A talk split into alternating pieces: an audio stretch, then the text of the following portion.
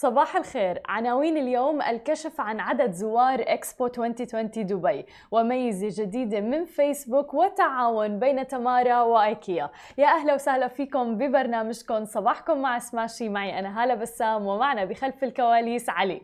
صباح الخير يا جماعة الخير. كيفك اليوم علي؟ الحمد لله. عم تقلي في طاقة إيجابية اليوم. نعم ليش؟ طاقة شو- إيجابية. شو شو مختلف اليوم؟ ما أعرف اليوم اللي فيه إحساس. يعني تعرفين يوم تحسين هالإحساس في قلبك أيوة. معدتك تقولين اليوم اليوم غير في جو جميل. في, في طاقة في, في, في, ال- في الهواء وبنتمنى هاي الطاقة الإيجابية لكل الناس اللي عم بتتابعنا ويكون في نسبة إنتاجية عالية اليوم علي عنده تصوير برنامج آه، سماشي إكسبو اللي ممكن تشوفوه على ديسكفر سناب شات يوم الثلاثاء الساعة 10 بتوقيت الإمارات صحيح؟ نعم آه، ففيكم تتابعوه على ديسكفر سناب شات بس ابحثوا اكتبوا سماشي إكسبو بيطلع لكم البرنامج. خلونا ننتقل لأول أخبارنا لليوم ونحكي أيضا عن إكسبو حيث وصل عدد الزيارات إلى معرض إكسبو 2020 دبي خلال العشر الأيام الأولى إلى 411 ألف زيارة تقريبا من قبل زوار بينتموا إلى أكثر من 175 جنسية. ومن المتوقع أيضا ارتفاع أعداد الزوار في الأيام المقبلة. ولا سيما عند بلوغ الموسم السياحي في دبي ذروته بعد نهاية شهر أكتوبر. وأوضحت أيضا الأرقام إنه أعداد الزيارات تشمل كافة حاملي تذاكر وبطاقات الدخول وبتستثنى منها الوفود والشركاء أيضا. ومن اللافت إنه واحد من كل خمس زوار قام بزيارة الحدث الدولي أكثر من مرة خلال العشرة الأولى من الأيام العشرة الأولى. وهذا دليل إنه كثير في أشخاص آه، ليس فقط حبوا زيارة إكسبو بل حبوا يرجعوا يزوروها مرة واثنين وثلاثة. وواحد من كل ثلاث زيارات جاءت أيضا من الخارج. يعني أكثر من 3 مليون شخص آه، مثل ما شفنا راقبوا حفل الافتتاح عبر مختلف القنوات. وشهدنا أيضا نحو 5 ملايين شخص راقبوا أو زاروا المعرض افتراضيا خلال العشرة الأيام الأولى. كما شهد أيضا موقع إكسبو الافتراضي 5 ملايين زيارة بين 1 إلى 10 أكتوبر. إلى أكثر من 3 ملايين زيارة لمشاهدة حفل الافتتاح الرسمي مثل ما ذكرنا يوم 30 سبتر- سبتمبر. أرقام ضخمة جدا وكشفت أيضا بالإضافة إلى ذلك الإدارة العامة للإقامة وشؤون الأجانب بدبي عن ارتفاع عدد المسافرين منذ انطلاق إكسبو 2020 دبي يعني تقريبا من 30 سبتمبر وحتى 10 أكتوبر 2021 حيث بلغ عدد المسافرين القادمين عبر مطارات دبي 477 ألف و101 مسافر. وذكرت أيضا الإدارة أن ذلك يبشر بانطلاقة قوية لعودة السياحة في دولة الإمارات وطبعا التعافي من جائحة كورونا وبالتالي تنشيط العجلة الاقتصادية في الدولة.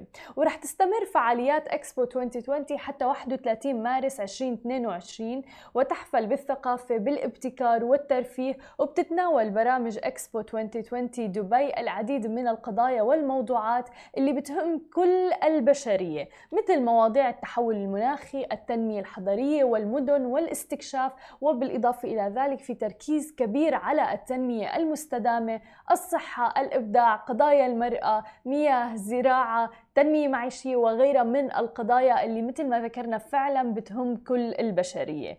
وفي برنامجنا على ديسكفر سناب شات مستقبل الابتكار آه، اللي بقدمه علي. آه، بنحكي عن أهم الابتكارات اللي رح يتم طرحها في اكسبو 2020 ففيكم تتابعونا عليه.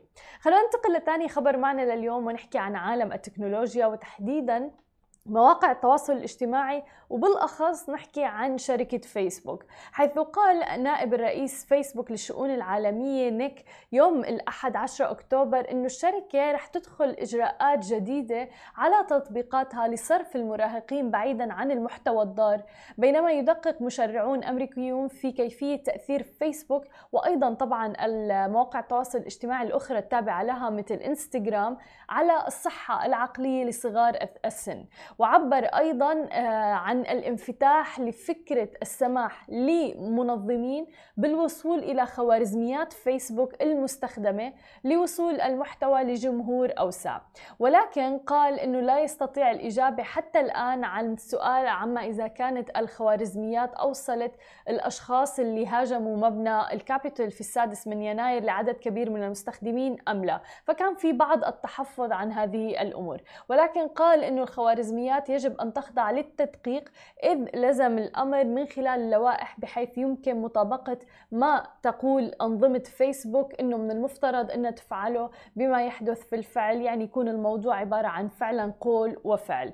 وجاءت هذه التصريحات بعد أيام من إدلاء موظفة فيسبوك السابقة اللي أبلغت عن مخالفات آه، بشهادتها في مبنى الكونغرس بخصوص كيفية إغراء الشركة للمستخدمين بالاستمرار بالتصفح والأمر اللي بضر سلامة المراهقين العقلية.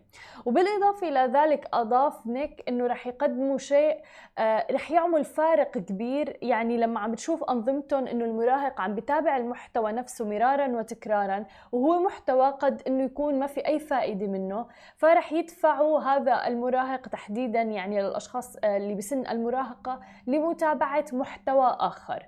وتابع أنه بالإضافة إلى ذلك فإن الشركة رح تعمل على ميزة جديدة واللي هي اسمها خذ استراحة. يعني رح يدفعوا المراهق ببساطة إلى أخذ استراحة من تصفح إنستغرام. واستجوب أعضاء مجلس الشيوخ الأمريكي الأسبوع الماضي شركة فيسبوك بخصوص خططها لتوفير حماية أفضل للمستخدمين الشبان على تطبيقاتها وذلك طبعا عقب تسريب بحث داخلي أظهر أنه عملاق وسائل التواصل الاجتماعي كانت على دراية بكيفية إلحاق تطبيق إنستغرام ضرر بالصحة العقلية للشباب. وأشار أيضا إلى أنه فيسبوك أوقفت في الآونة الأخيرة خططها مثل ما ذكرنا وغطينا سابقا لتطوير إنستغرام كيدز اللي بيستهدف الأطفال قبل سن المراهقة وإنها عم بتقدم ضوابط اختيارية جديدة للبالغين للإشراف على المراهقين. مثل ما عم نشوف بالفترة الأخيرة يعني أطفال صغار بإيدهم الموبايل دائما وموجودين على مواقع التواصل الاجتماعي على الرغم أنه العديد من مواقع التواصل الاجتماعي آه لازم الواحد يسجل فيها يكون العمر 13 فما فوق. ولكن عم نشوف أطفال صغار بعمر الثلاث والأربع سنين فاتحين سواء كان إنستغرام تيك توك وغيرها وفعلا قد يكون في بعض المحتوى اللي آه يعني فعلا مخل آه للأخلاق آه غير مناسب أبدا لسن الأطفال. أنا شخصيا بشوف إنه كثير مهم إنه يكون في رقابة من الأهالي على هذا الموضوع.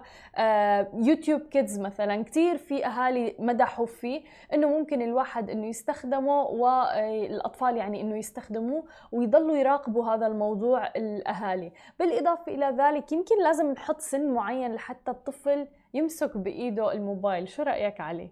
يعني أنا أنا بتذكر على عمري أول مرة مسكت الموبايل صار عندي موبايلي صف سابع وما كان دائما بإيدي يعني أيام المدرسة بيتاخذ مني بالويك إند بس بيعطوني إياه. وعادي لك وين كبرنا والأمور طيبة ما فينا شيء أحس الحين غير. أكيد لا شك. لأن الياهل أول ما يشوف مثلا آيباد آيفون هالاجهزه آه، فبيتعود. يعني الياهل مو بغبي ذكي؟ لا بالعكس قمة بالذكاء. إيه يعني يفهمون كل شيء. أنت تشوفينه بس يطالعك هاللون لا لا لا بالعكس. لا يعني أولاد أختي أول ما خلاص أربع خمس قبل ما قبل ما يصيرون أربع. ياخذون آيباد تليفون يعرفون كل شيء. بس بتعرف شوف هو رائع إنه عم بيعرفوا كل شيء لأنه في ناس أنا يعني في جانب آخر إيجابي بصراحة إنه بيفتحوا يوتيوب وعم بيتعلموا. م. في منهم اللي تعلم الإنجليزي لحاله تعلم لغات. آه بتذكر إنه في مشهد أمامي شفته لبنت صغيرة آه ماسكة عم ترسم وعم تتعلم كيف ترسم العين مع الدمعة. من هي وعم تتفرج على يوتيوب. حلو. فهذا الشيء ممتاز أنا برأيي لأنه فعلا هي دورات موجودة بالبيت online free حتى يعني ما ما أنا مكلفة رح تكون.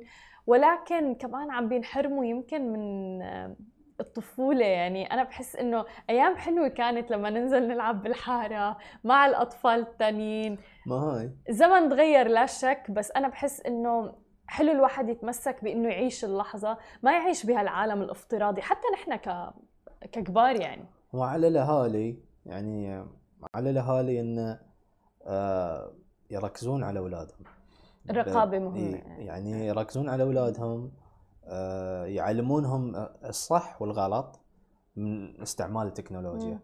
أو زين ولازم يف... يعني يعني هاي الجيل لازم يعرفون يعني أحسن منا إنه يكونون يعني من ناحية الصحة من ناحية التكنولوجيا طبعا. لأن عندهم هال يعني عندهم access لكمية معلومات ما طبيعية صحيح. بالضبط. ف بمتناول إيدهم يعني. إي فعلى الأهالي يعلمونهم إنه okay تقدرون تستعملون الآيفون والآيباد بس في نفس الوقت تعلموا إنزين انه في تقدرون بعد تطلعون برا تسوون رياضة بالضبط. تلعبون تسبحون يعني وهون بحس يمكن مهم إنه أصلا الأهل يخصصوا وقت للاطفال لتنمية مهاراتهم الأخرى. بالضبط. يعني مثلا دورات باليه دورات تايكوندو اللي هو حسب شخص ركوب الخيل مثلا. مثلا يعني أي شيء. فيصير في تواصل يعني على أرض الواقع بتوقع أمر مهم جدا يعني سواء كان على مستوى الصغار أو الكبار حتى أنا شايفة. خلونا ننتقل لآخر خبر معنا لليوم. نحكي عن الشركات الناشئة.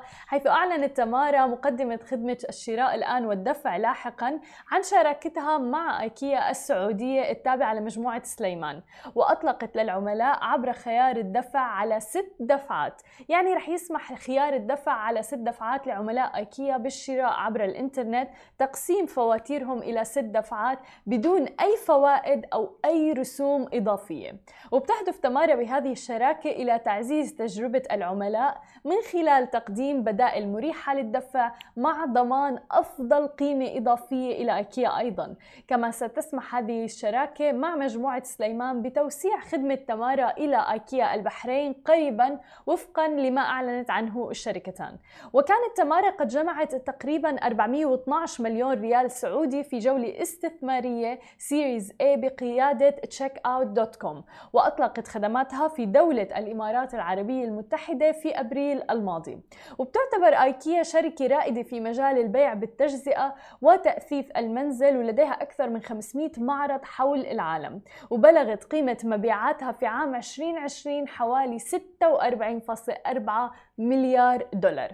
وقد تأسست أيكيا السعودية بعام 1983 عن طريقة مجموعة السليمان وتمتلك حاليا 8 نقاط التقاء بالعملاء في السعودية والبحرين. ما بين معارض مراكز طلب واستلام بالإضافة أيضا إلى منصة متقدمة للتسوق الإلكتروني. مما بيجذب أكثر من 20 مليون زائر سنويا وفقا للتقارير اللي وصلتنا.